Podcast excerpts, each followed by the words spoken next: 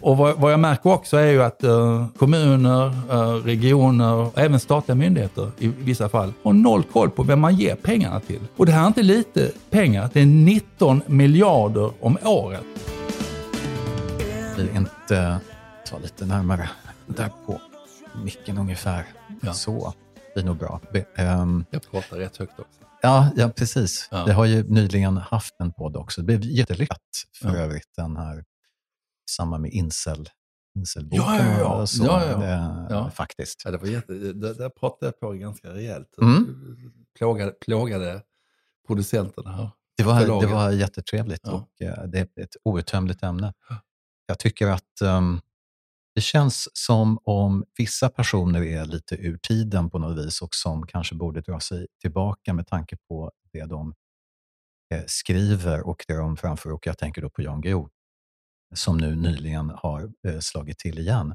Och Det intressanta är lite grann att min association, och det är inte bara jag som tänkte på det i samband med eh, den här krönikan han har skrivit i, i Aftonbladet. Eh, den första poddgästen jag hade, alltså premiären på den här podden var ju Martin Krag som är Rysslands specialist och som nu när det här spelas in så pågår ju ett krig och man har satt sig i förhandlingar nu, de, den och ryska sidan. Men det intressanta är ju att eh, då anklagade ju Åsa Linderborg eh, Martin Krag för att vara brittisk spion och arbeta för underrättelsetjänsten. Sådana här helt grundlösa anklagelser. Och nu är det Sofie Löwenmarks tur att bli anklagad för att vara agent. Den här gången inte för brittiska MI5 eller MI6 utan eh, det svenska Säpo. Mm. Och det som slår mig och många andra när, man läser den här artikeln, det är ju att Guillou, eh, Eh, som själv vad jag förstår har varit KGB-agent, ehm, att han inte att han tror på något vis att det inte går för en journalist eller skribent att, eller vem som helst egentligen, att infiltrera en sluten Facebookgrupp eller en sajt och så vidare. Men det är det jag har gjort nu i snart två års tid när jag har skrivit min bok om incels. Det var ju en ren infiltration. Men det verkar som om han tror på något vis att man måste arbeta för en underrättelsetjänst för att göra det. Är inte det ganska verklighetsfrämmande? Ja, det är helt verklighetsfrämmande eftersom det, det är så många aspekter i hans artiklar som är generellt felaktiga. Um, det handlar dels om att uh, han säger att Sofie Löwenmark är en, ja, är en megafon för Säkerhetspolisen och att uh, det är de som ger henne informationen. Jag vet att det inte är sant. Eh, jag vet kategoriskt att det inte är sant för Mm. att jag, jag träffar Säkerhetspolisen ibland.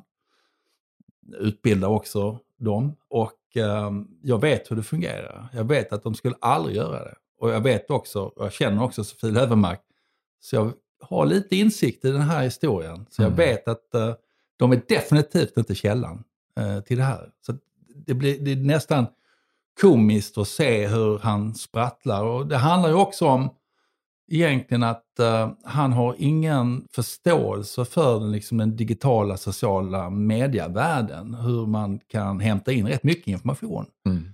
Men han sitter ju och skriver på skrivmaskin fortfarande. Han sitter och skriver på skrivmaskin. Och, eh, men sen handlar det också om att han liksom låser sig fast vid olika saker. Han har låst sig fast vid Säkerhetspolisen. Varför? Jo, det har ju att göra med... Alltså, hans stora svarta år var 2009 när Expressen avslöjade att han hade haft han hade blivit angiven av eh, en journalist, eh, Arne Lemberg, och, eh, och att han hade haft en, en relation med KGB. Det vill säga att han hade, han hade träffat eh, andra mannen på ambassaden här och eh, under, en, under en ganska lång tid, fem års tid, precis innan IB-affären, lite misstänksamt också, så har han, eh, har han en relation till KGB. Um, ehm, han träffar den här personen första gången på den, den sovjetiska ambassaden. Så um, han har ett stort agg mot Expressen, han har ett stort agg mot uh, Säkerhetspolisen.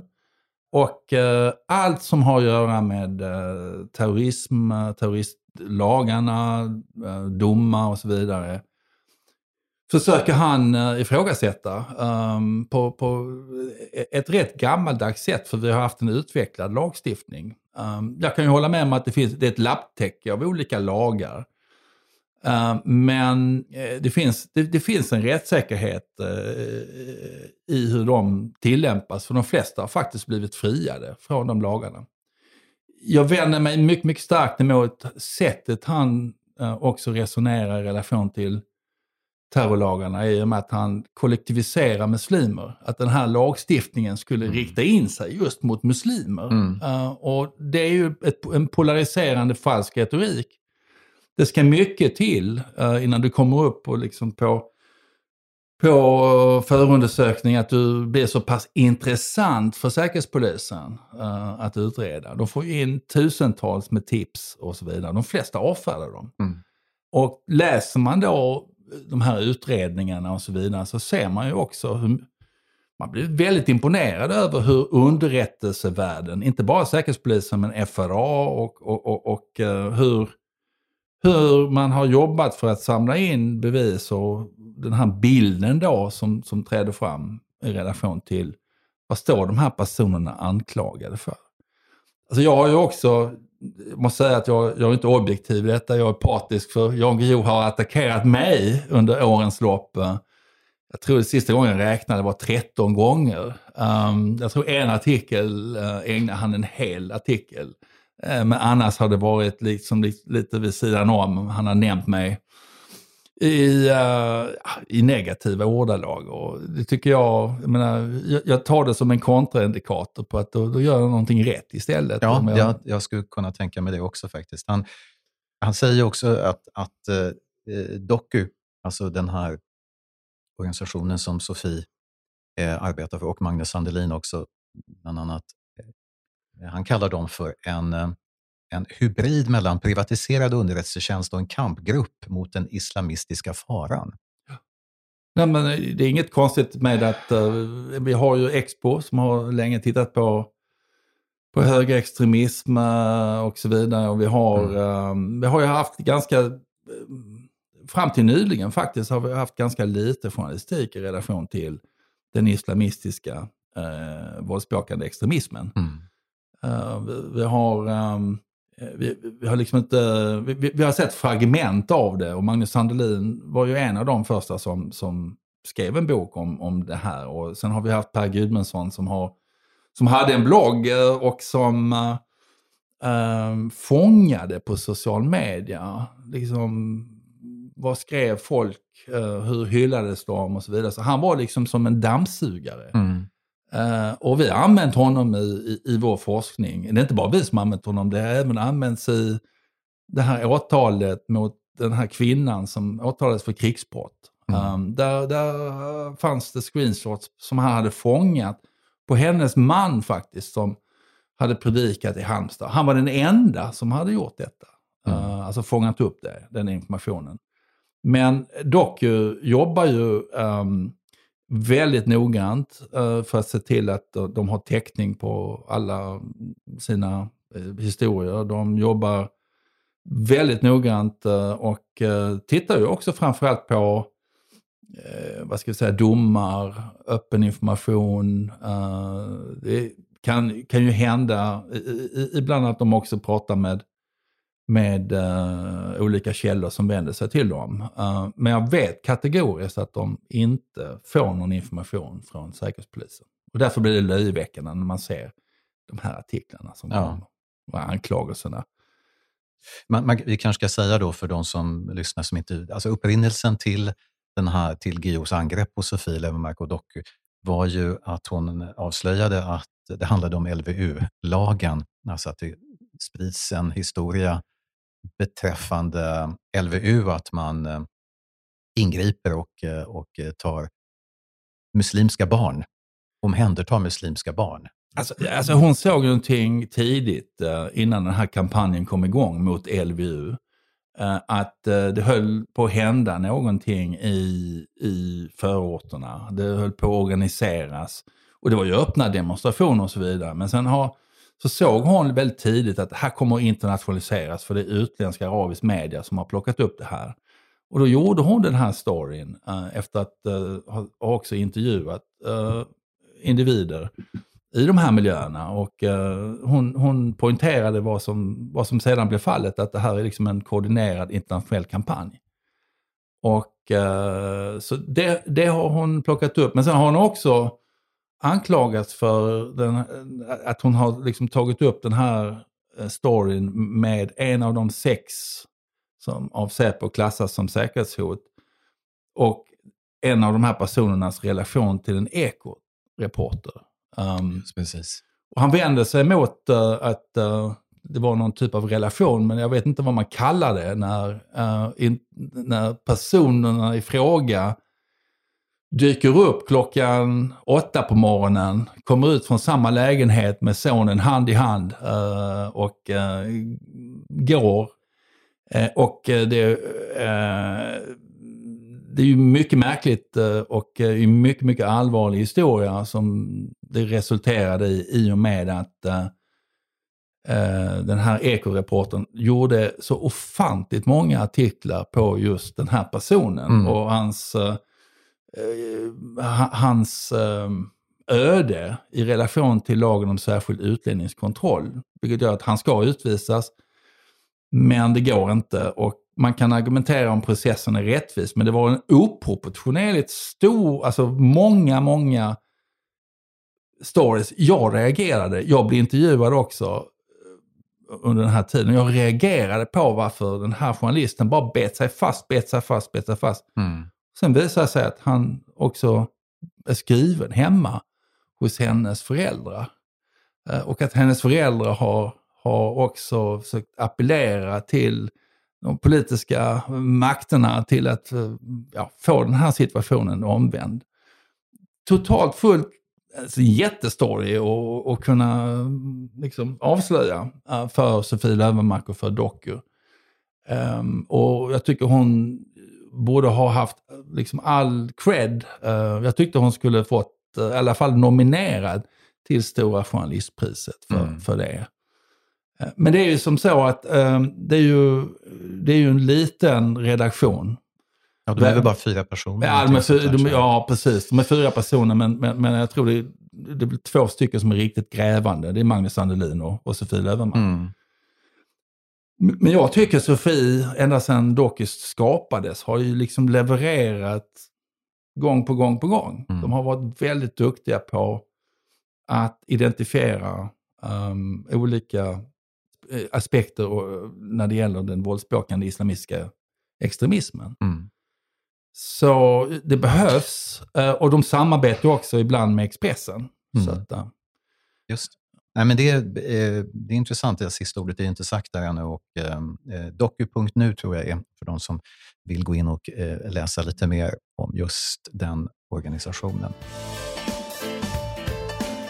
Eh, gästen i, i, idag är Magnus Ranstorp. Det är, har ni säkert förstått för det här laget, terrorexpert eh, som inte behöver någon närmare presentation. Eh, jobbar vid Försvarshögskolan, docent vid CATS, som det förkortas Centrum för asymmetriska hot och terrorismstudier. Det har faktiskt förändrats. Har det förändrats? Det har förändrats. Jaha. Det är så att eh, vår chef eh, Lars Nikander, han har pensionerat sig. Um, Jaha, det visste jag inte. Jo, och uh, vi hade också omorganisation på Försvarshögskolan, så vi, vi var redan in, inne i en, en stör, ett större centrum. Vi var en liten enhet inne i ett större centrum. Och nu har vi bara gått upp i, i det större centrumet. Aha, och det heter okay. Centrum för totalförsvar och samhällets säkerhet. Um, och, um, eh, men vi har samma uppdrag, vi har samma projekt, uh, ja. samma fokus. Som Okej, okay. bra. Då, då, det, det, var mer än vad jag visste. Och gratulera förresten till, ehm, till eh, Svenska Dagbladet. Du är ju kolumnist. Jag är kolumnist, ja precis. Det är, det är, ju, det är ju också lagom takt. Det är ju en gång i månaden, så ja. inte så hårt eller svårt. Men, men uh, det är ju alltid... Man måste försöka överraska sina läsare också, för annars kan det liksom... Det ska inte bara vara samma uh, ämnesområden, samma stories. Nej. Utan det gäller också att utveckla sig och, och men det här ju, betyder ju att du kan skriva lite mer brett också, i, i och med att du har den här kolumnen. Ja, jag, jag, har, jag har den här kolumnen och, det är jag väldigt glad för. Jag, jag fick erbjudandet faktiskt för uh, över ett, ett och ett halvt år sedan, men jag, mm. jag tar inte på mig uppdrag som inte jag känner att jag kan slutföra. Mm. Utan det har varit alldeles för mycket andra saker som har skett. Och sen har det varit pandemi och så vidare. Mm. Så att, eh, det har varit... eh, Men, det, men det, är ro, det är roligt och eh, det är ju också svårt. Det är ju ganska korta kolumner och eh, det är alltid svårt att fatta sig kortfattat. Så är det. Ja, och Ja. kärnfullt. Och eh, var inte det premiärkrönikan eh, som handlade om Göteborgs stad och tystnadskultur?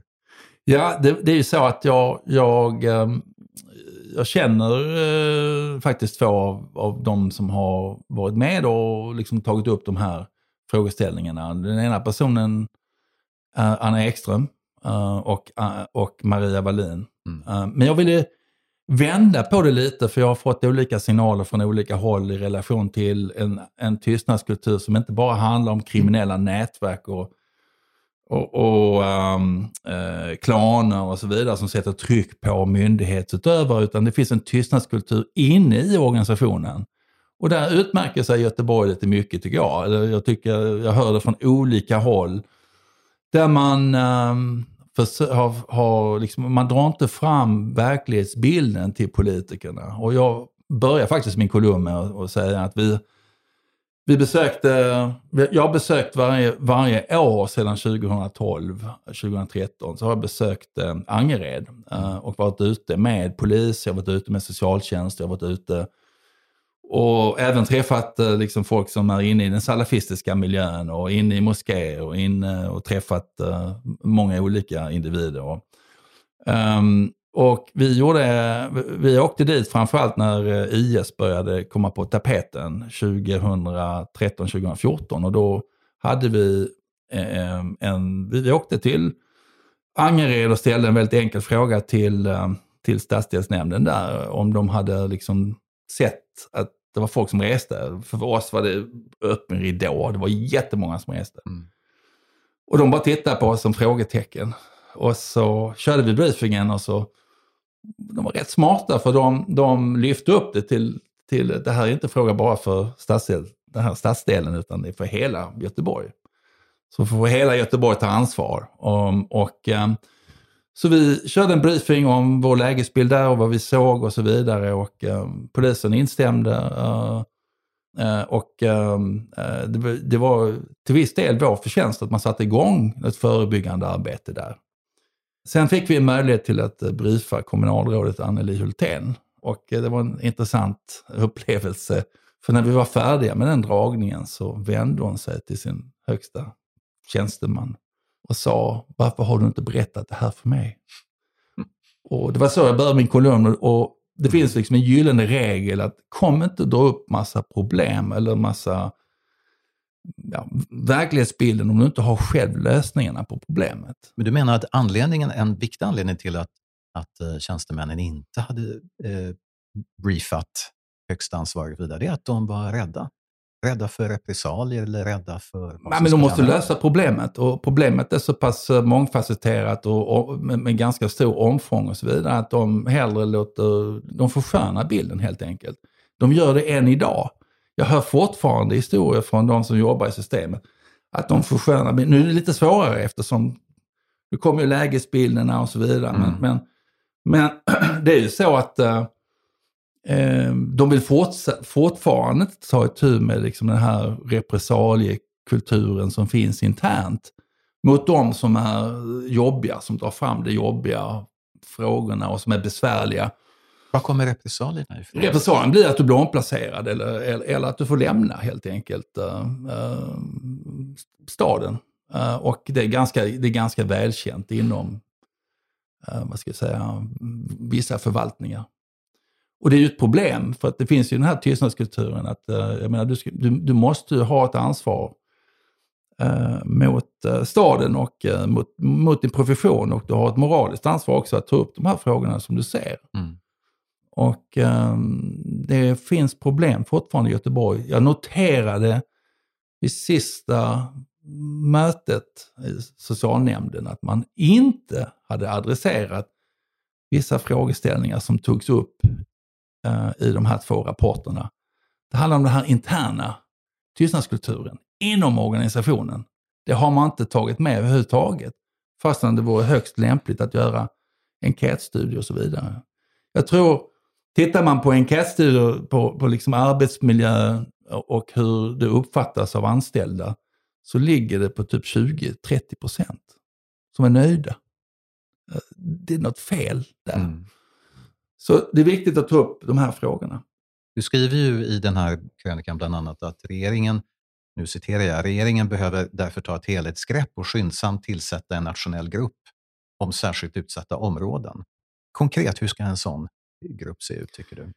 Jag tycker eh, att uh, problemet uh, blir ju ofta då att det är staden själv som behöver lösa detta och vissa nycklarna kan finnas på nationell nivå och behöver, liksom, man, man bör få access till detta. Um, och eh, du behöver eh, personer med sakkunskap, du behöver liksom se hela spelplanen i, i stadsdelen. Och det handlar allt ifrån fastighetsägare och så vidare som har tagit ett ganska stort ansvar. Det är ju de som jobbar med de här frågorna, liksom att skapa tillit mellan medborgare och de som bor i områdena och myndigheterna. Um, Eh, så, så jag menar, ska man vända de här områdena så gäller det liksom inte att dutta med små projekt och nu ska vi ge lite mer pengar till civilsamhälle och så vidare. Utan det handlar om att ta ett, ett helhetsgrepp. Nu vänder vi den här utvecklingen som stad. Och, och det har man ju sagt att man ska göra till 2025. Jag ser inte planen bara. Jag ser inte. Men vad ska man, vad gör, vad ska man göra? Eh, hur, hur, hur, bryt, hur, bryter man det här egentligen? Ja, alltså, um, nej, men man måste, man, för, först och främst, jag menar, man måste jobba lokalt. Så man måste liksom jobba med samverkan. Du måste, det är många pusselbitar som också ska på plats. Det man märker när man kommer till de här särskilt utsatta områdena är ju liksom att hela samhället har retirerat. Du har poliserna som ganska unga i yttre tjänst som är deras, ett av deras första mm, arbetspass uh, ute är ju i de här områdena. Och de är rätt gröna, jobbar också naturligtvis med, med mer erfarna. Uh, och uh, det är ju tufft att, att, att åka ut och de möter ju rätt mycket motstånd. Och, och mm. måste liksom kunna konflikthantering och kunna liksom uh, var både relationsskapande men också gränssättande. Och just den här balansen mellan de två delarna. Det är ingen lätt ekvation när du åker ut och du ska uh, framförallt om du då möter motstånd från unga kriminella uh, mm. personer som inte har mycket respekt och så vidare. Och som, så saknar liksom impulskontroll och saknar liksom, våld är ju liksom hur de hanterar sociala relationer och, och uh, visar liksom starka maskulinitetsnormer och så här saker. Och, men du måste liksom också ha um, kvarterspoliser, en, en, en, en, en närvaro, konstant närvaro där, där, som är relationsskapande. Och så måste du ha de som är gränssättande och ingripande. Um, du, du brukar ju framhålla Danmark som ett, ett, ett föredöme. Att man där har löst det här på ett annars. Var, var, varför är danskarna så mycket bättre än vad vi är? Alltså jag, jag, jag eh, kom i kontakt framförallt det, det, med det när jag jobbade som ordförande i eh, Köpenhamns stads äh, antiradikaliseringsgrupp. Äh, och då, vill jag, då skedde det ju ett terrordåd i Köpenhamn när jag ville åka ut till deras särskilt utsatta område där den här personen kom ifrån för att bättre förstå. Jag hade ju sett de svenska områdena, mm. men så när jag kom till det här danska området, var, jag såg ju inte misären, eller jag såg, liksom, jag såg inte att det var jätteproblem, men det, det låg ju där under ytan, de här gängen och så vidare. Men där har man tagit, från fastighetsbolagens sida har man liksom tagit tag i det här. Dels så mixtrar man ju med hur många arbetslösa får bo i ett speciellt, en speciell fastighet. Ja. Och, och, och, om det man, man låter studenter flytta in, man, man, man, man mixar upp ägandeformen för fastigheterna. Man har starka liksom, fastighetsskötare ehm, um, eller personer som organiserar, som strukturerar området. När jag kom dit på besök så hade du dels uh, kvinnor som fick, uh, hade liksom ett, ett, ett andrum, de hade kafeteria, de, de fick hjälp med karriärscoaching, CV-skrivning, barnen hade läxläsning, mentorer. Eh, när jag gick sen rundvandring runt området så såg jag också att, eh, att de, hade, de tog dit eh, sjukvården. Eh, så då var det en kampanj om att sluta röka, att vara mm. hälsosam. De fick de fick liksom gratis hälsoundersökningar. Jag gick vidare, kom till, en, kom till en container. Där satt en tidigare gängkriminell medlem som var duktig på att mecka med bilar. Så de som bodde i området kunde eh, komma dit eh, med sina bilar, få liksom gratis delar och fixa till bilarna. Eh, barnen, ungdomarna som hade varit stökiga, de strukturerade man upp så de fick, de fick ett efterskolajobb. Att de skulle leverera alltså, reklam. Mm. ofta brände de upp det kanske innan de hade den här strukturen, men nu så tjänar de pengar. De fick en liten belöning för att de skötte sig. Ja. Och, och, och, det fanns liksom starka personer i området också som kommer från från uh, området och som höll de här ungdomarna lite i schack, men, men också var förebilder för dem. Och um, så att de, hade lyckats i det området och, och det tycker jag är bra. Men, men, samtidigt också så är det viktigt att näringslivet måste komma in. Näringslivet måste komma in, samhället måste komma in. Och i Danmark, vad de lyckas med där är framförallt att de har helt annan sekretesslagstiftning. De har och nu handlar det kanske om extremism. Då har de en, en, en, en paragraf, en lagparagraf, som säger att uh, du får byta information, du får liksom bryta sekretessen om det finns en risk för att personen kommer att begå kriminalitet. Det är ju rätt höjbart. Um, men vad de gör då är att de, de, om det är någon som dyker upp uh, och som har liksom blivit identifierad som ett möjlig extremist eller kriminell, så sitter de runt bord, uh, olika myndigheter, arbets, Arbetsförmedlingen, du har speciellt utvalda personer. Du har uh, polisen, du har socialtjänsten, olika förvaltningsdelar och så vidare. Och så, och så pratar de om individen, så lyfter de på locket och säger vad har vi på den här personen? Som skulle kunna förklara varför han gör vad han gör, men också vad som skulle kunna hjälpa honom. Och så skräddarsyr de ett program för, så att alla myndigheterna är inne på samma individ. Så man släpper inte individen. Och sen har man, jobbar man mycket med mentorer, lite äldre, eller samma ålder, men som kan liksom avleda dem från att hålla på med, med, med djävulstyg. Så det är väldigt, väldigt konkreta, riktade sociala insatser och ett, ett helt annan typ av samarbete mellan olika myndigheter än vad vi har i Sverige uppenbarligen. Ja, i alla fall mycket mer liksom strukturerat och det, det omfattar också naturligtvis skolan och sådär. Men de, men de har ju jobbat med de här frågorna väldigt, väldigt länge, framförallt mot de kriminella gängen. Och de, de byggde på det, samma modell, men fast mot extremism och så vidare. Så, att, mm. så det, det, är, det är rätt fascinerande. Jag har, jag har ju suttit och gjort projekt också till danska myndigheter och um, det är faktiskt rätt fascinerande. Jag har varit runt och intervjuat uh, polisen i Danmark. Och jag måste säga att det är nästan som att man kommer in i en film, som en dansk kriminaldeckare. För de, de är verkligen imponerande som personer.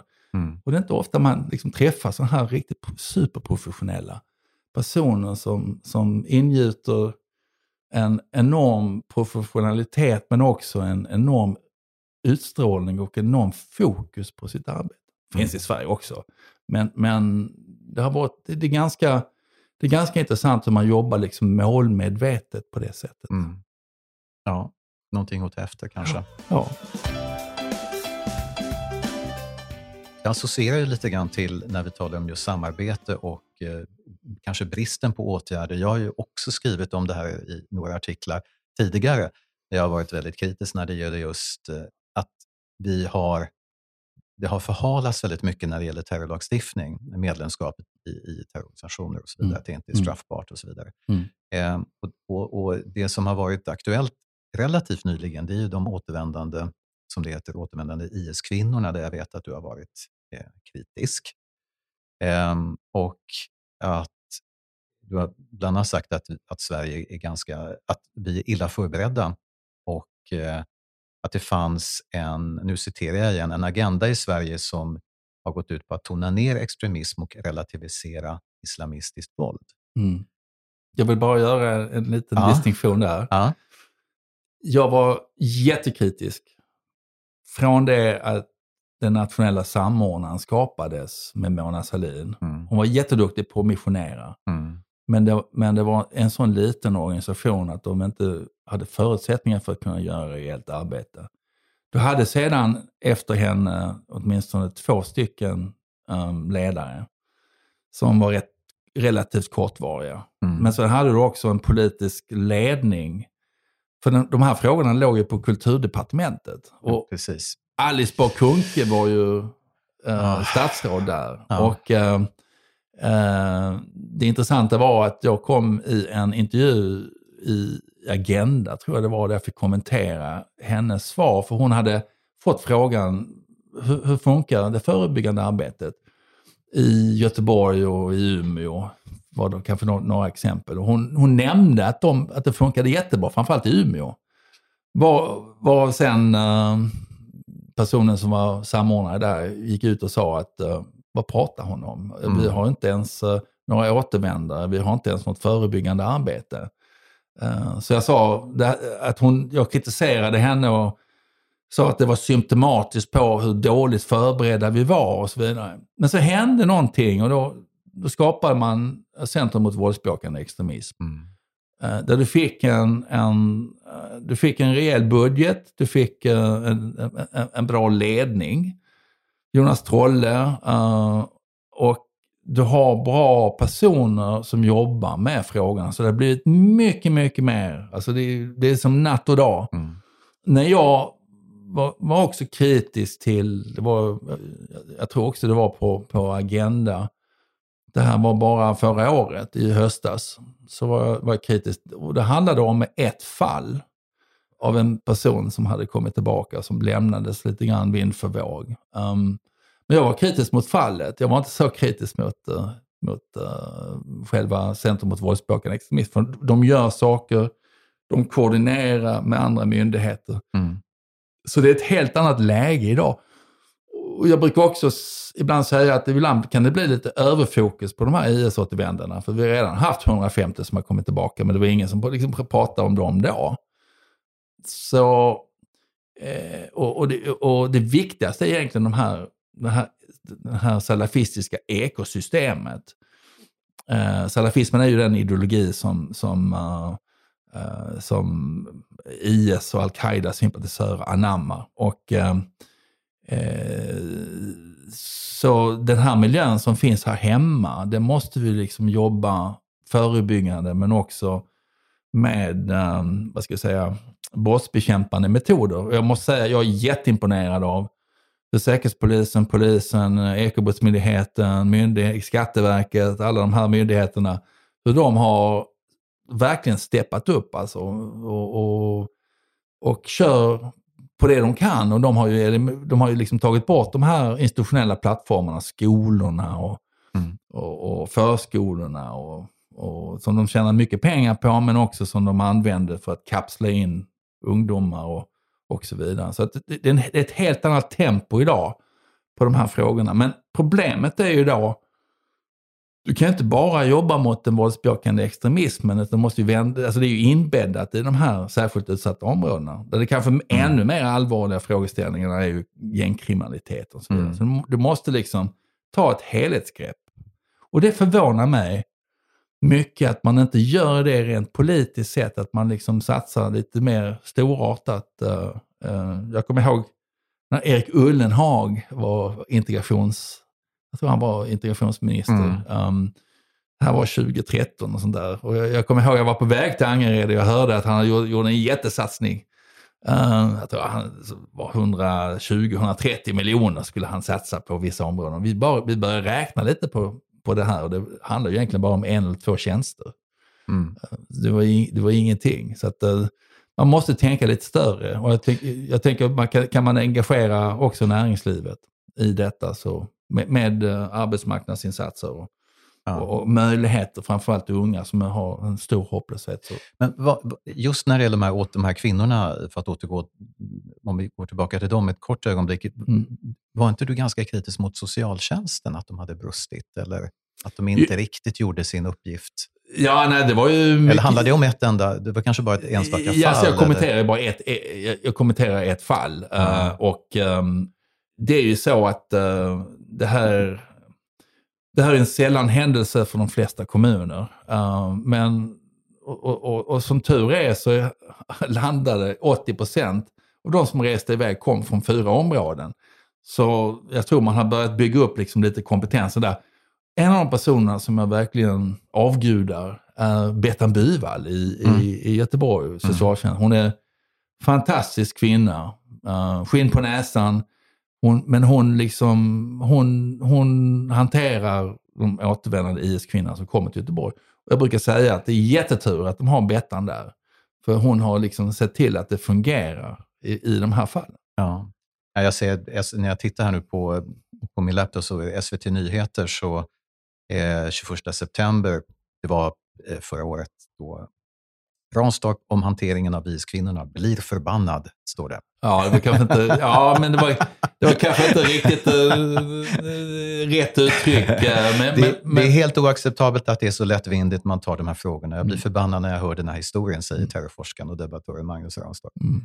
Men, men det handlade ju om en eh, men jag blev ju också förbannad. Jag, jag har ju varit förbannad väldigt lång tid på det här. Så att, eh, och, och, det handlade om att någon fick bara en ett telefonnummer till socialtjänsten och så fick en tågbiljett i handen och så fick hon alltså jag, hade rätt, jag hade faktiskt insyn i det här fallet äh, från, från olika håll. Och, och, det var så att, att äh, det hade kunnat göras äh, bättre insatser. Framförallt handlade det om att koordinera mellan polis och socialtjänst. Så liksom, sätt dem i en bil, varför ska de åka tåg? Sätt dem i en bil, skjutsa ner dem. Mm. Eh, så har man i alla fall skyddat uh, allmänheten. Och jag tror det också är rätt otrevligt att sitta för personen i fråga, även om vi kanske inte ska tänka så mycket på deras känslor, uh, på ett tåg. Mm. Uh, ja, ja, för mig är det fullständigt jag har tyckt från första början, oavsett om vi talar om män eller kvinnor som har varit inblandade i, i, i IS, för mig är det helt ofattbart egentligen och skandalöst Mm. Att de kommer hit, mm. de har deltagit i krigsförbrytelser, mm. alltså kvinnorna också, ja. som jag ser det. Ja. Och så får de bara komma hit. De, de ska ju naturligtvis gripas vid gränsen, ställas inför rätta, ja. tycker jag. Eh, som i varje civiliserat land. Det borde vara på det viset, tycker jag, även i Sverige. Men här får de, som sagt så att jag är jävligt förbannad och varit väldigt lång tid över att man har skött det så extremt dåligt. Ja, alltså jag, jag var mer förbannad i början, men, jag, jag vet nu att det finns saker och ting som händer som som eh, man inte alltid ser heller. Så att, uh, mm. jag, jag, jag, är mindre arg på det. Jag, jag tänkte bara på, i, i det fallet så tyckte jag att uh, det kunde gjorts bättre. Men jag, det är faktiskt så att jag tänker inte så mycket på IS-återvändarna så mycket. Jag tänker mer på mm. miljön här hemma, hur den är nu. Jag, jag kan tillägga, jag har, eh, har yttersta respekt och fullt förtroende för Säpo. Det är inte där som min kritik eh, riktas mot, utan det är ju naturligtvis från, när det gäller regering och tidigare regeringar också ja. för den delen, som har underlåtit att lagstifta. Håller helt med och eh, 20, egentligen borde man ha lagstiftat om detta eh, 2012, 2013 mm. eh, när Norge gjorde Norge det. gjorde precis. Ja.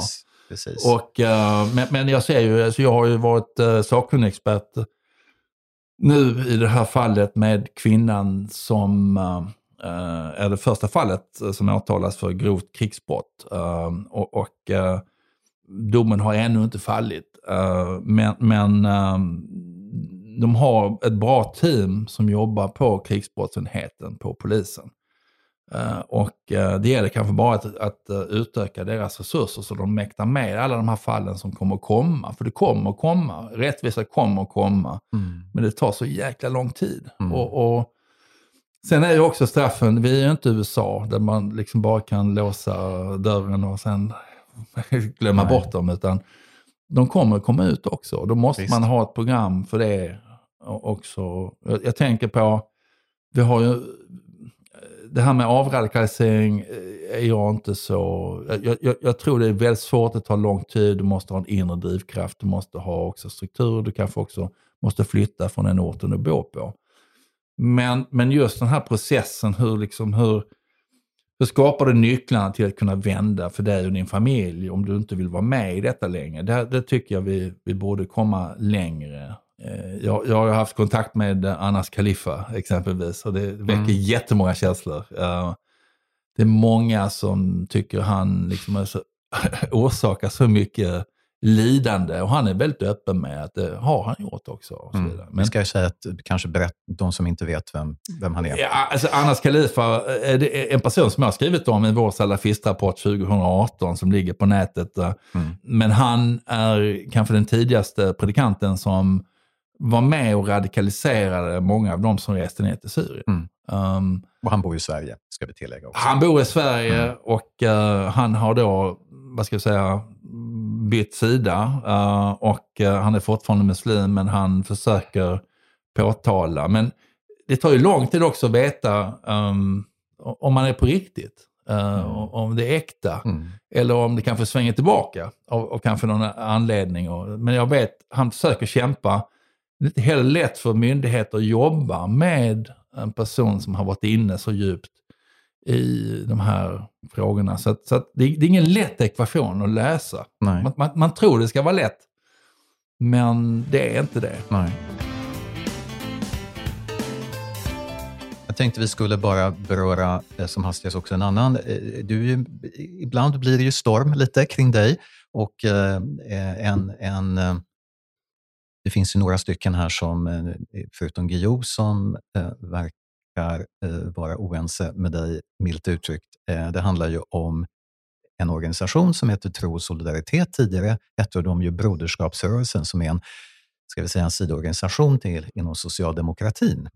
Och där det har varit eh, ganska nyligen också eh, en debatt där bland annat i GP, i Göteborgs-Posten, och där en person, eh, Mattias Irving heter han, som eh, har gått till attack mot dig.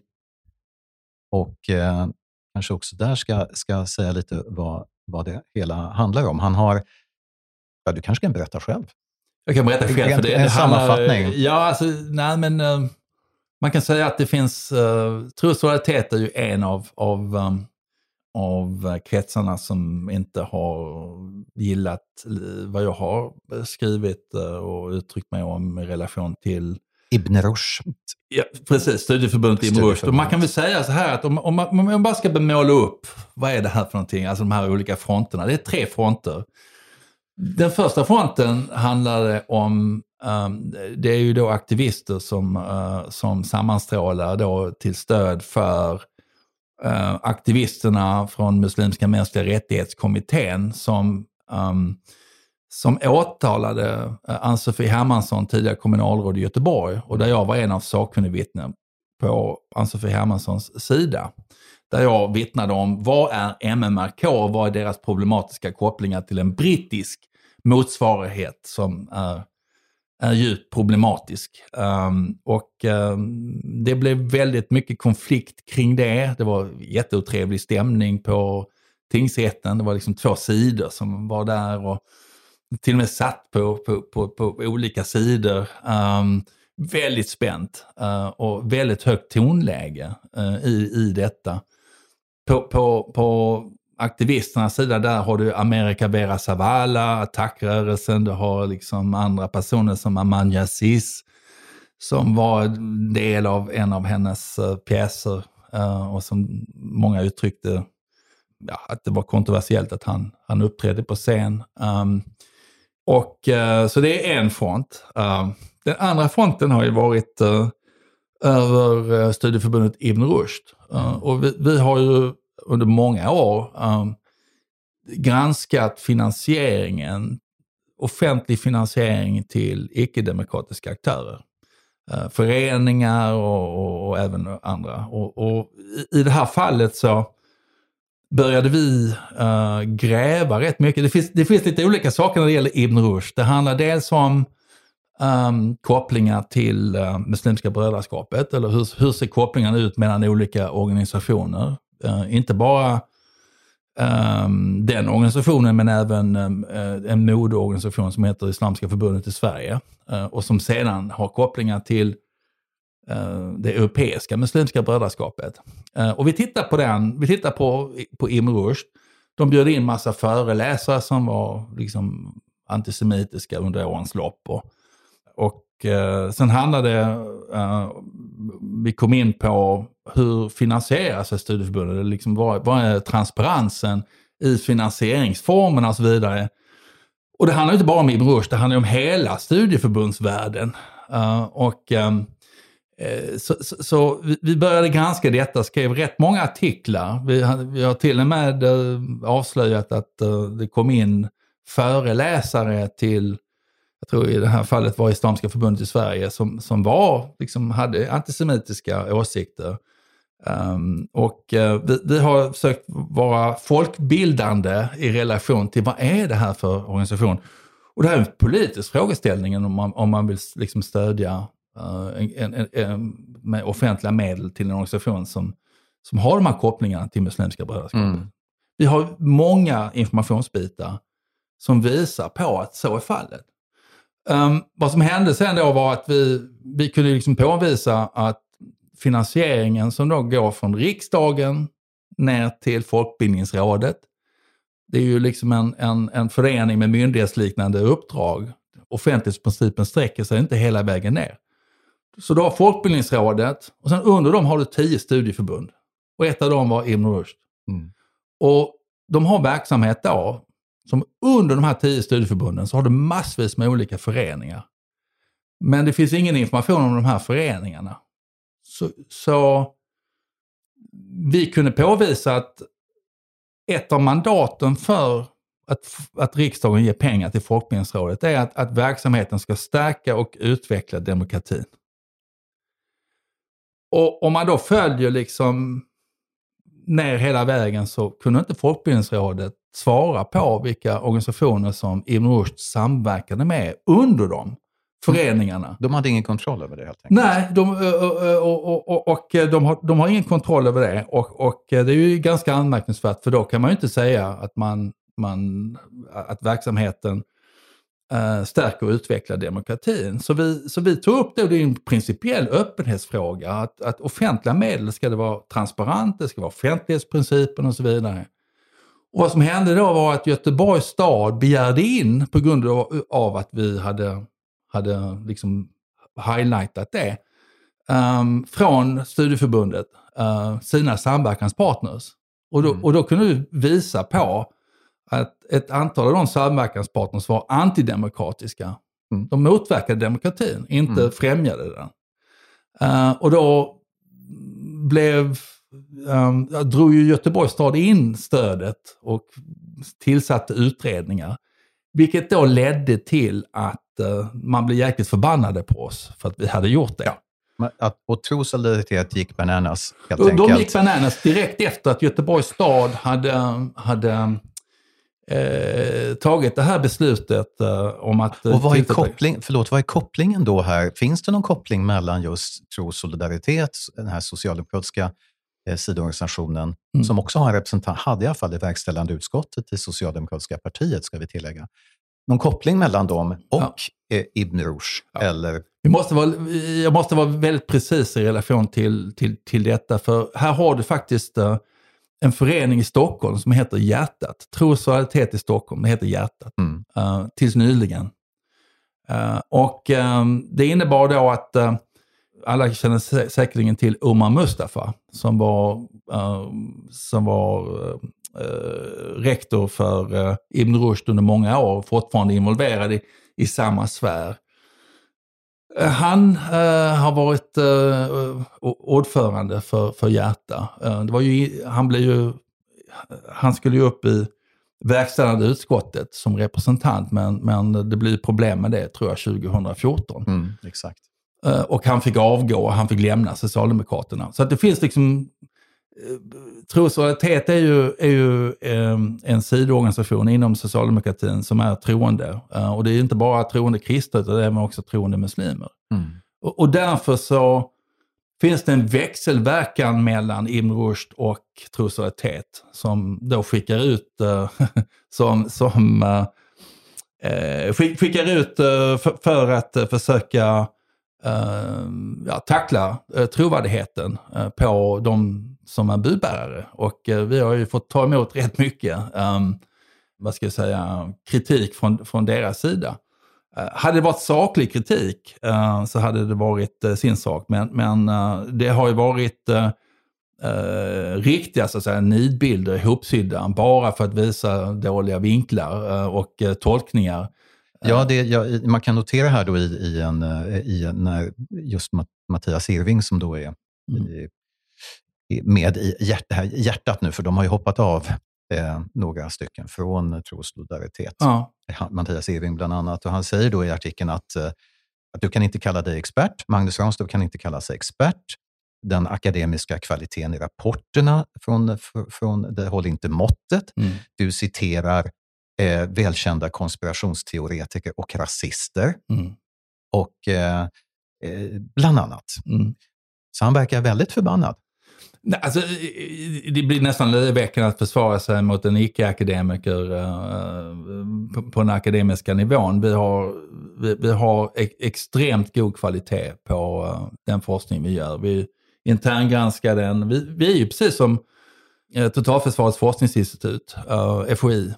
Um, vi, vi, vi publicerar, vi, vi gör uppdragsforskning, vi gör studier, vi publicerar oss även också i uh, peer review-artiklar uh, mm. och så vidare. Men, men vi jobbar då på uppdrag för, för, för exempelvis MSB, för CVE, eh, för, för olika myndigheter och vi får även med oss olika myndigheter. Jag menar, vi har skrivit grundforskning om just den salafistiska miljön. Um, alltså en, en, kartläggning över hur ser den salafistiska miljön ut och hur påverkar den demokratin? Ingen kritik på sakinnehållet. Mm. utan, och jag har gjort en liknande studie i Danmark för danska myndigheter. Jag har vår senaste rapport om radikal nationalism Uh, vilket uh, Mattias Öving också tyckte var, var en jättebra rapport. Uh, hade vi Säkerhetspolisen som skrev mm. ett kapitel. Och det är precis det jag ska, tänkte jag skulle komma in på här innan vi, innan vi avrundar just den rapporten. Men min mer, jag vet inte, jag brukar alltid, när det blir så här personligt och, och tidvis väldigt osakligt som jag faktiskt tycker när jag läst de här artiklarna och replikerna, mm Eh, från, från, hoppas mina repliker var bra. jag tycker de var bra. Jag, jag, och jag tycker att, men om man går, sjunker till så låg nivå så att man bara pucklar på någon personligen i en debatt, då, blir det, då handlar det kanske inte riktigt längre om sak, utan om person mer. Och då blir det väldigt kontraproduktivt. Eh, och det, ja. min, mitt bestämda intryck här är ju att, att, eh, att det här är, handlar väldigt mycket om, en, om, om att det är väldigt personligt från hans sida att, att det, det grund, handlar mer om känslor än fakta. Ja, alltså grund och botten är, är ju att, att vi, vi, vi tog ju fram um, frågeställningen kring studieförbunden och det handlar inte bara om Rushd, för vi såg att det här, det här är ett stort problem över alla studieförbunden. Mm. Så jag tror jag har minst lika arga personer inom studieförbundsvärlden som och jag hör att eh, de är arga på mig, men, men jag, jag ser ju, min uppgift är ju egentligen att värna om skattemedel och att värna om demokratin. Alltså totalt motsatta vad, mm. de, vad de säger. För att vi måste ju ha kontroll på vår verksamhet. Mm. Vi måste ju eh, veta vilka föreningar och andra som får ta del av skattemedel. Jag kan ju säga så här, det, det stora problemet med studieförbunden var, i och med att det var det handlar om tillit, fina honnörsord uh, inom studieförbunden. Det var liksom tillit uh, i, inom studieförbundsvärlden och att man inte skulle, liksom, studieförbunden skulle sköta det själva in-house. De skulle få en viss pott med pengar och så vidare. Varje år sedan, jag vet inte hur lång tid, jag, jag skrev en artikel, gick tillbaka och bara räknade och kollade hur många skandaler det har varit varje mm. år. Det har varit, varit skandaler med, med mångmiljonbelopp. Sista beloppet nu, 2017-2019, när de uh, räknade själva var det 39 miljoner kronor som hade gått till helt felaktiga händer. Mm. Um, uh, och jag är rätt stolt över att vi skapade den här debatten och jag tror också Riksrevisionen tog upp den och kommer att presentera en rapport i augusti. Uh, och den tror jag blir inte nådig. För det har varit många problem och fel inom den här världen. Det handlar ofta... Alltså jag, jag har ett enkelt medel för detta. Det handlar om transparens. Att om du ska liksom hålla på med detta i olika städer, publicera vilka föreningar, hur mycket pengar de får, eh, vara transparent med eh, hur, hur verksamheten går till längst ner i kapillärerna. Eh, och ehm, eh, så, så här, du, du ska också säkerställa att eh, demokratikriterierna är tillämpbara eh, i, i den här verksamheten. Att det stärker och utvecklar demokratin. Eh, för det är ju det det är till för. Men jag har ju märkt att det finns en annan större sak som går bortom studieförbundsvärlden. Och det är att mycket av det vi kallar för civilsamhällsvärlden i Sverige, det är liksom offentligt finansierat. Och så Mm. ser det inte ut i många andra länder. Nej. Och, och vad, vad jag märker också är ju att eh, eh, kommuner, eh, regioner och annat har ju noll koll på, och även statliga myndigheter i vissa fall, har noll koll på vem man ger pengarna till. Mm. Och det här är inte lite pengar, det är 19 miljarder om året. 19 miljarder om året som, som flyter utåt. Och då, då har jag ställt en väldigt enkel frågeställning. Varför spenderar vi inte en del av detta till att utvärdera vad får vi för de här skattemedlen, för de här pengarna? Det är väl inte orimligt att ställa sådana frågor? Nej, verkligen inte. Det, alltså 19 miljarder till studie... Nej, till, Till- till, till- alla olika föreningar. Olika föreningar och från förbund i offentliga Sverige. medel i Ja. Sverige. Och det, det är ju i sig en fråga som, som är väl värd att diskutera om vi överhuvudtaget ska ha det här systemet, måste jag säga. Ja. Eh, ska det gå skattepengar till sånt här överhuvudtaget? Med tanke på att vi har en hel del andra hål att täcka upp. Ja. Ska, Om man tittar, eh, ett bra exempel var liksom Skolverket eh, delade ut pengar till läxhjälp. Mm. Um, och um, jag tror de hade, de hade rätt mycket pengar, 60-70 miljoner och, och Mm. som skulle ut till olika projekt. Och jag tror det var, jag, jag tror det 85 procents chans att få stöd. Uh, mm. men väldigt lite, det, det, är ju bara en googling bort till vad är det här för typ av verksamhet. Mm. Och tittar man på deras ansökningsblanketter kunde man till och med se att eh, det, här hade, det här hade kanske liksom inte gett pengar till. Nej. Men man måste ju fråga sig när du är en stor kommun och du ger ut mycket pengar till olika civilsamhällsaktörer eh, så måste du ha en återkoppling. Mm. Vad de gör egentligen är att de tittar på stadgar och kan du skriva de här honnörorden, demokrati, mänskliga fri och rättigheter, jämställdhet, Värdegrund- värdegrunds- Ja, precis. Så, så, så, så eh, alltså, eh, men, men det är ju väldigt lite eh, återkoppling och uppföljning. Mm. Eh, och jag ställer en helt resonlig fråga och det är vad får vi för pengarna? Mm. Eh, och s- jag vet ju och jag har ju sett detta att uh, organiserad brottslighet, extremister, de är ju inne och har professionella ansökningsskrivare som, som spökskrivare som liksom sitter där och, och ansöker om pengar samtidigt Mm. som de håller på med någonting annat som, som är lite mer ljusskyggt. Men det är mycket pengar i omlopp. Och det här Ska- måste vi ha kontroll över. Ja, utan tvekan. Eh, alltså en miljonrullning till, till antidemokratiska organisationer. Miljardrullning. Miljardrullning. Ja, men till, inte, till och med. kan, kan, nej, men kanske miljon, eh, kanske mer.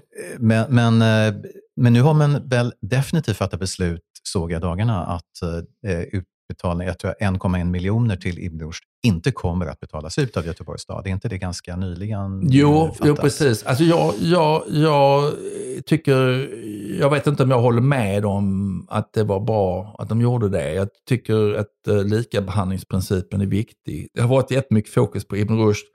Vi började vår granskning där.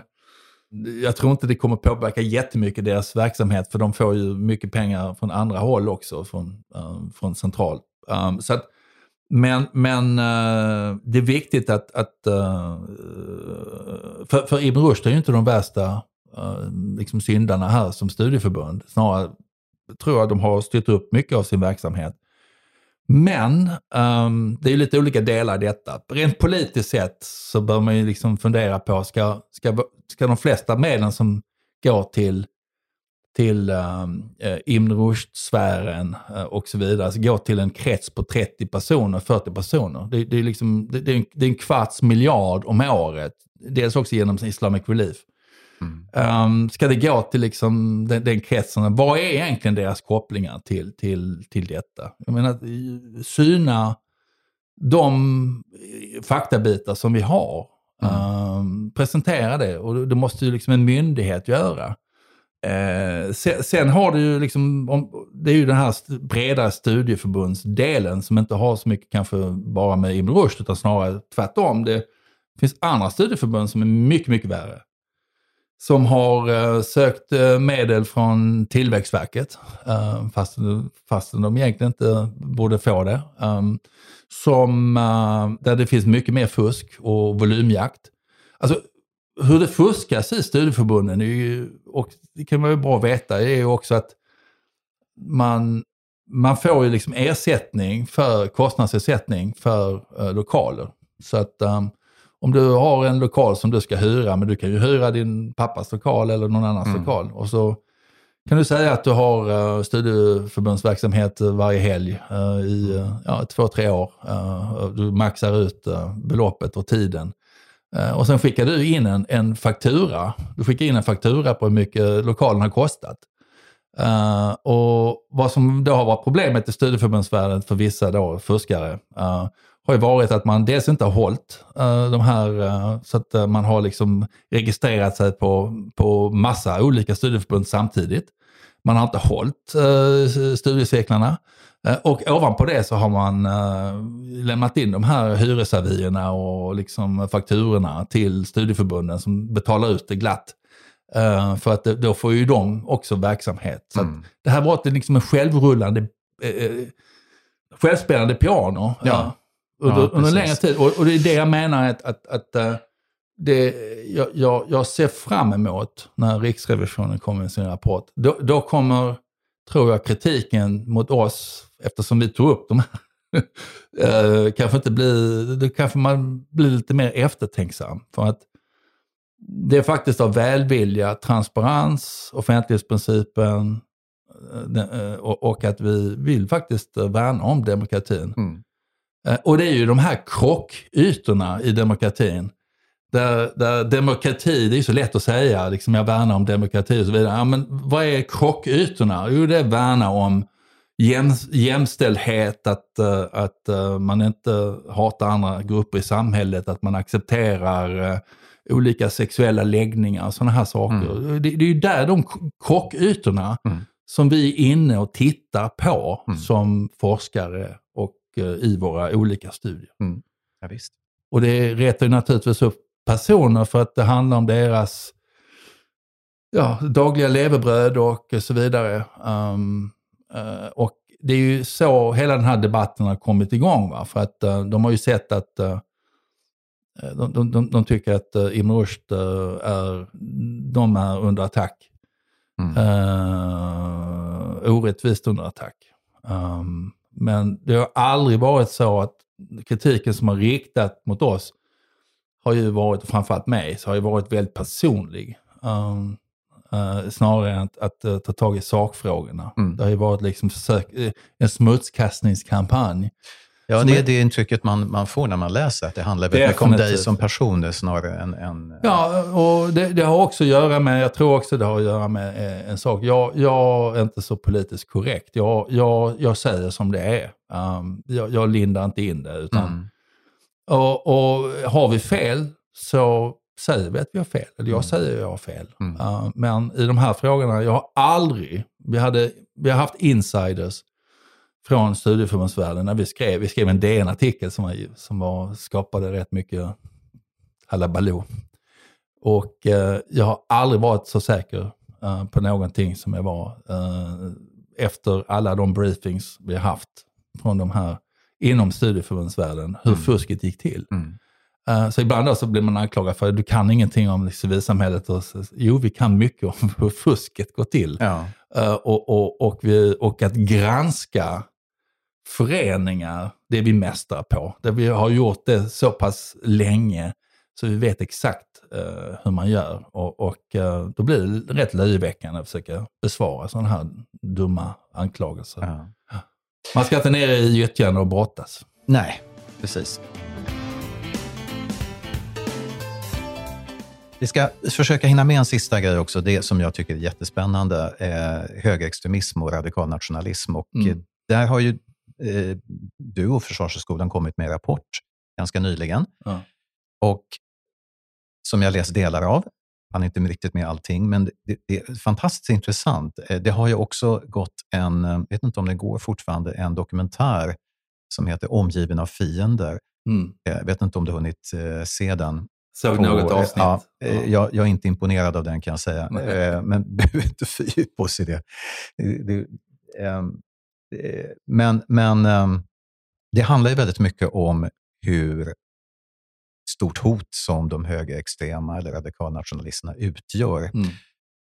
Hur, vad, hur skulle du eh, bedöma det hela?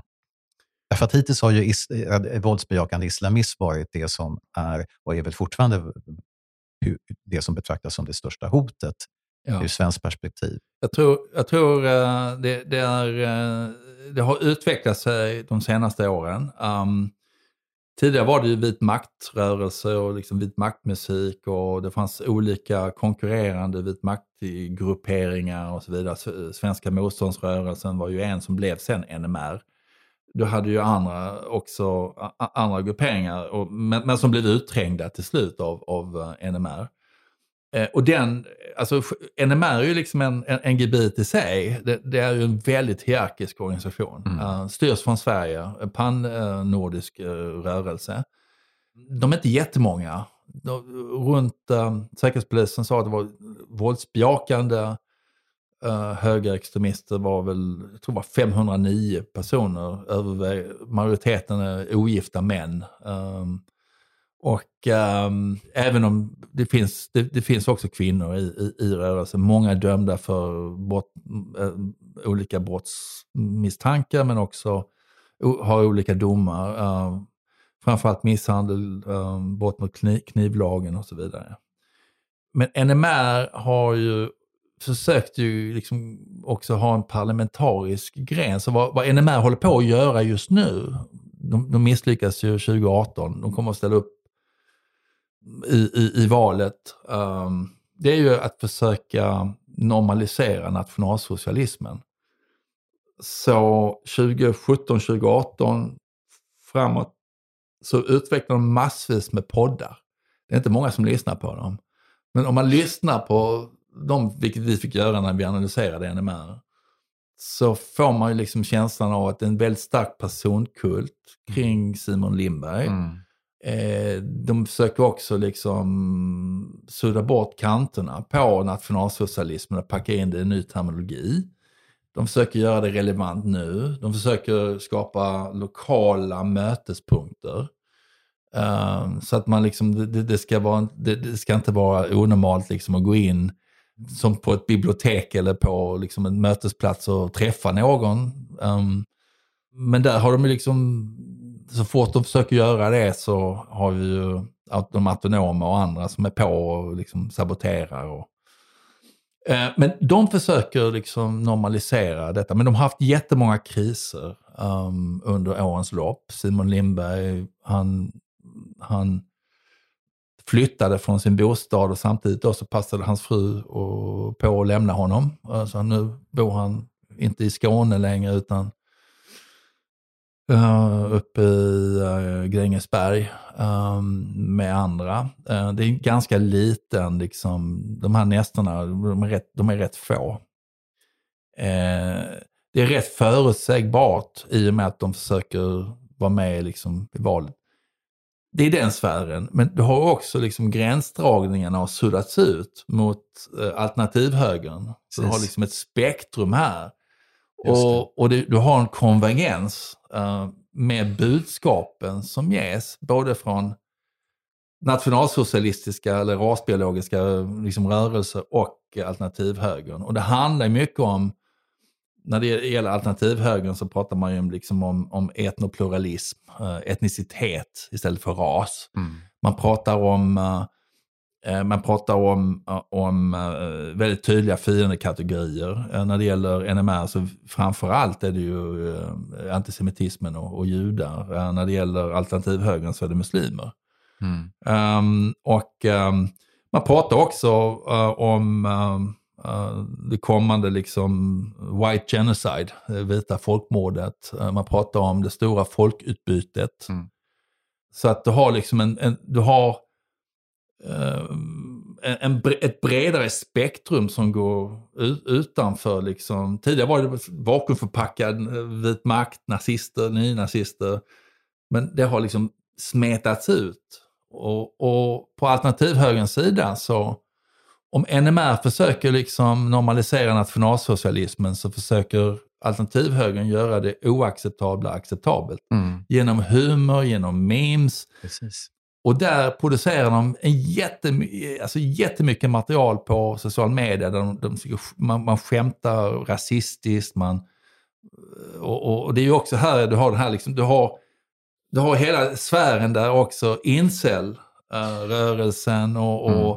och det är en härlig liksom, sammanblandning av massvis med olika delar. Och notera exempelvis i Storbritannien, som tidigare haft liksom en uppdelning mellan när man när man går in och försöker intervenera mot de här miljöerna så pratar man om islamisterna, å ena sidan så pratar man högerextremism och så vidare. Och där har man en kategori där man liksom inte kan klassificera exakt vad det är för någonting uh, inom höger. Liksom, man har en, en alternativ ideologi. Mm. Och det är ju den här sammanblandningen med den här soppan mellan, uh, mellan alla de här olika, med konspirationsteorier, incels, Antivaxare. Antivaxare, allt. Ja, 5G.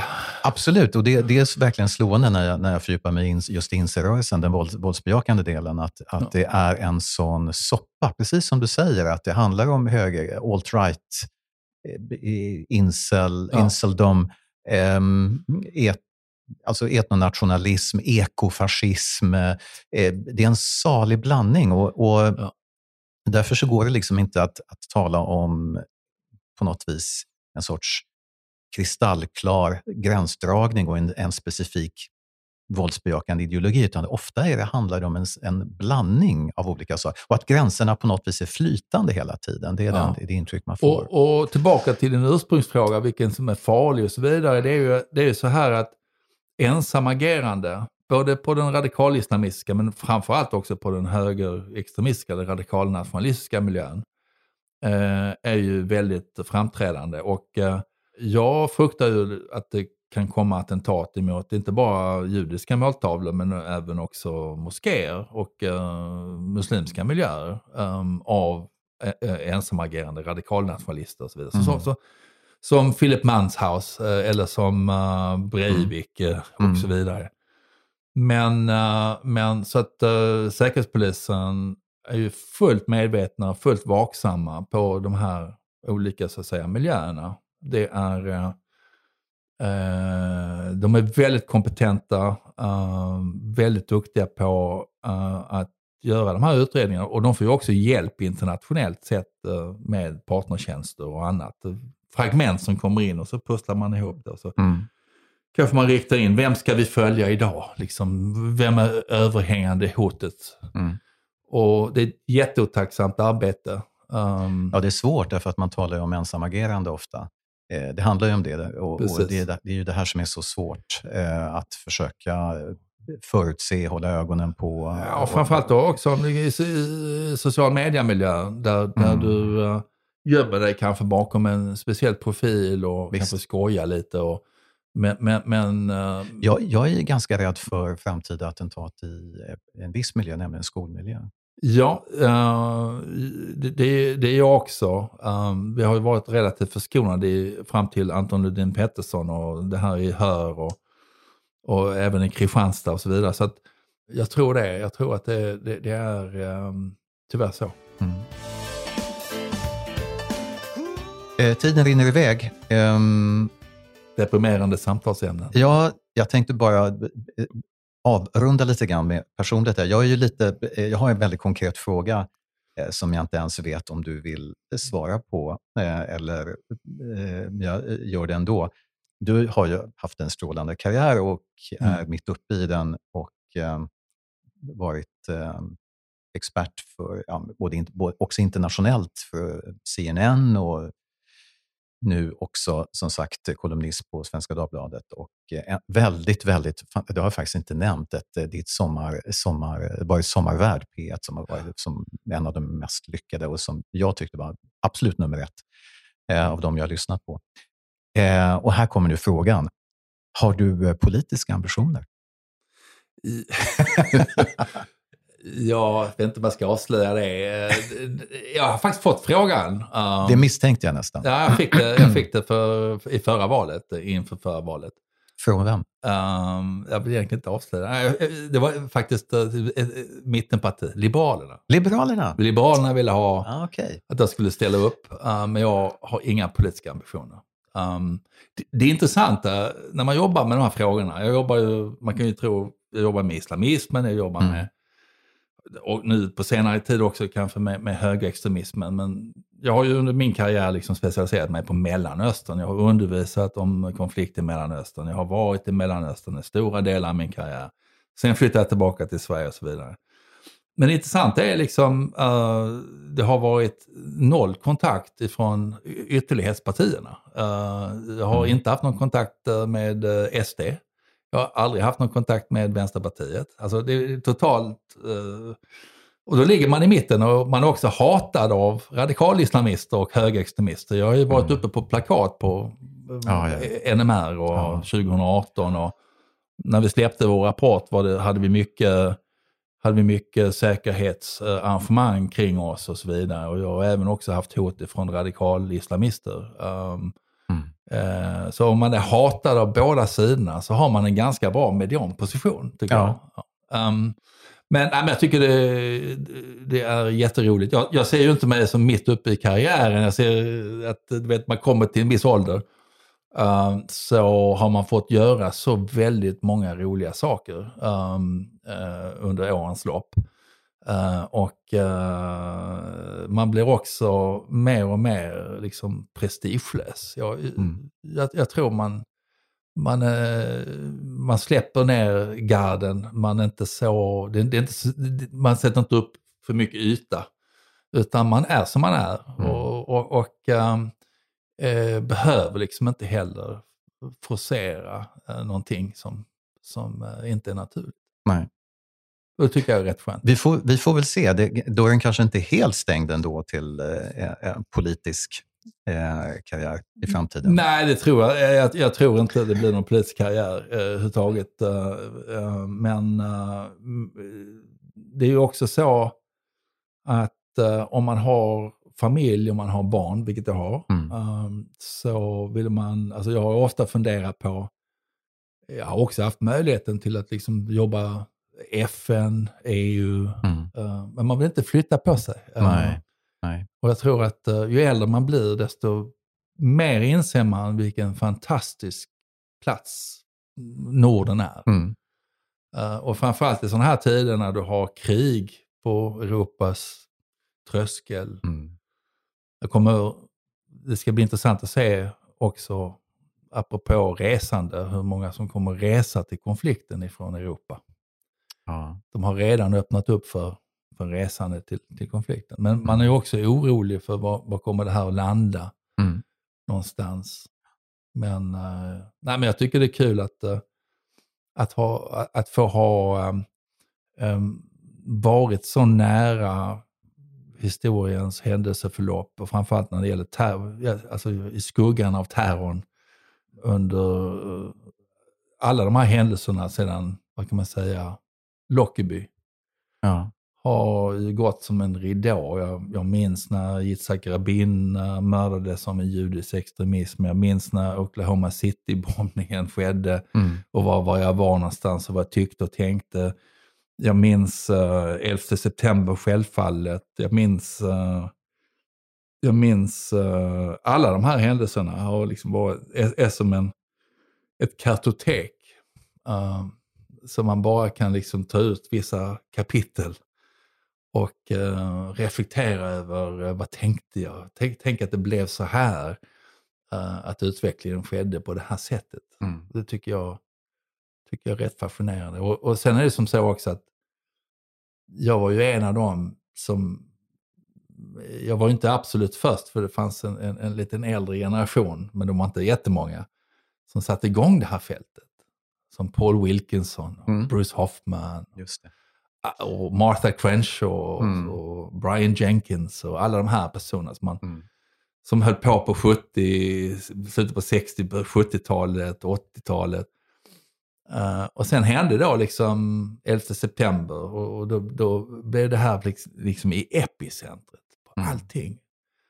Så att jag tänkte, det här var liksom valet att fokusera på just de ämnena jag fokuserar på var bara ren tur. Ja. Men, men, det var någonting som... Sen kom tiden ikapp dig på något vis. Tiden kom ikapp och, ja. och terrorismen är ju liksom en spegel över samhällsutvecklingen. Och den Absolut. blir mer och mer komplex. Absolut. Så jag förstår mindre. Vi får göra vårt bästa. Ja, precis. Eh, Magnus Ranstorp, tusen tack. Som vanligt otroligt trevligt att träffas och samtala med dig. Tack för att jag fick komma hit. Det var jättetrevligt. Och lycka till. Tak.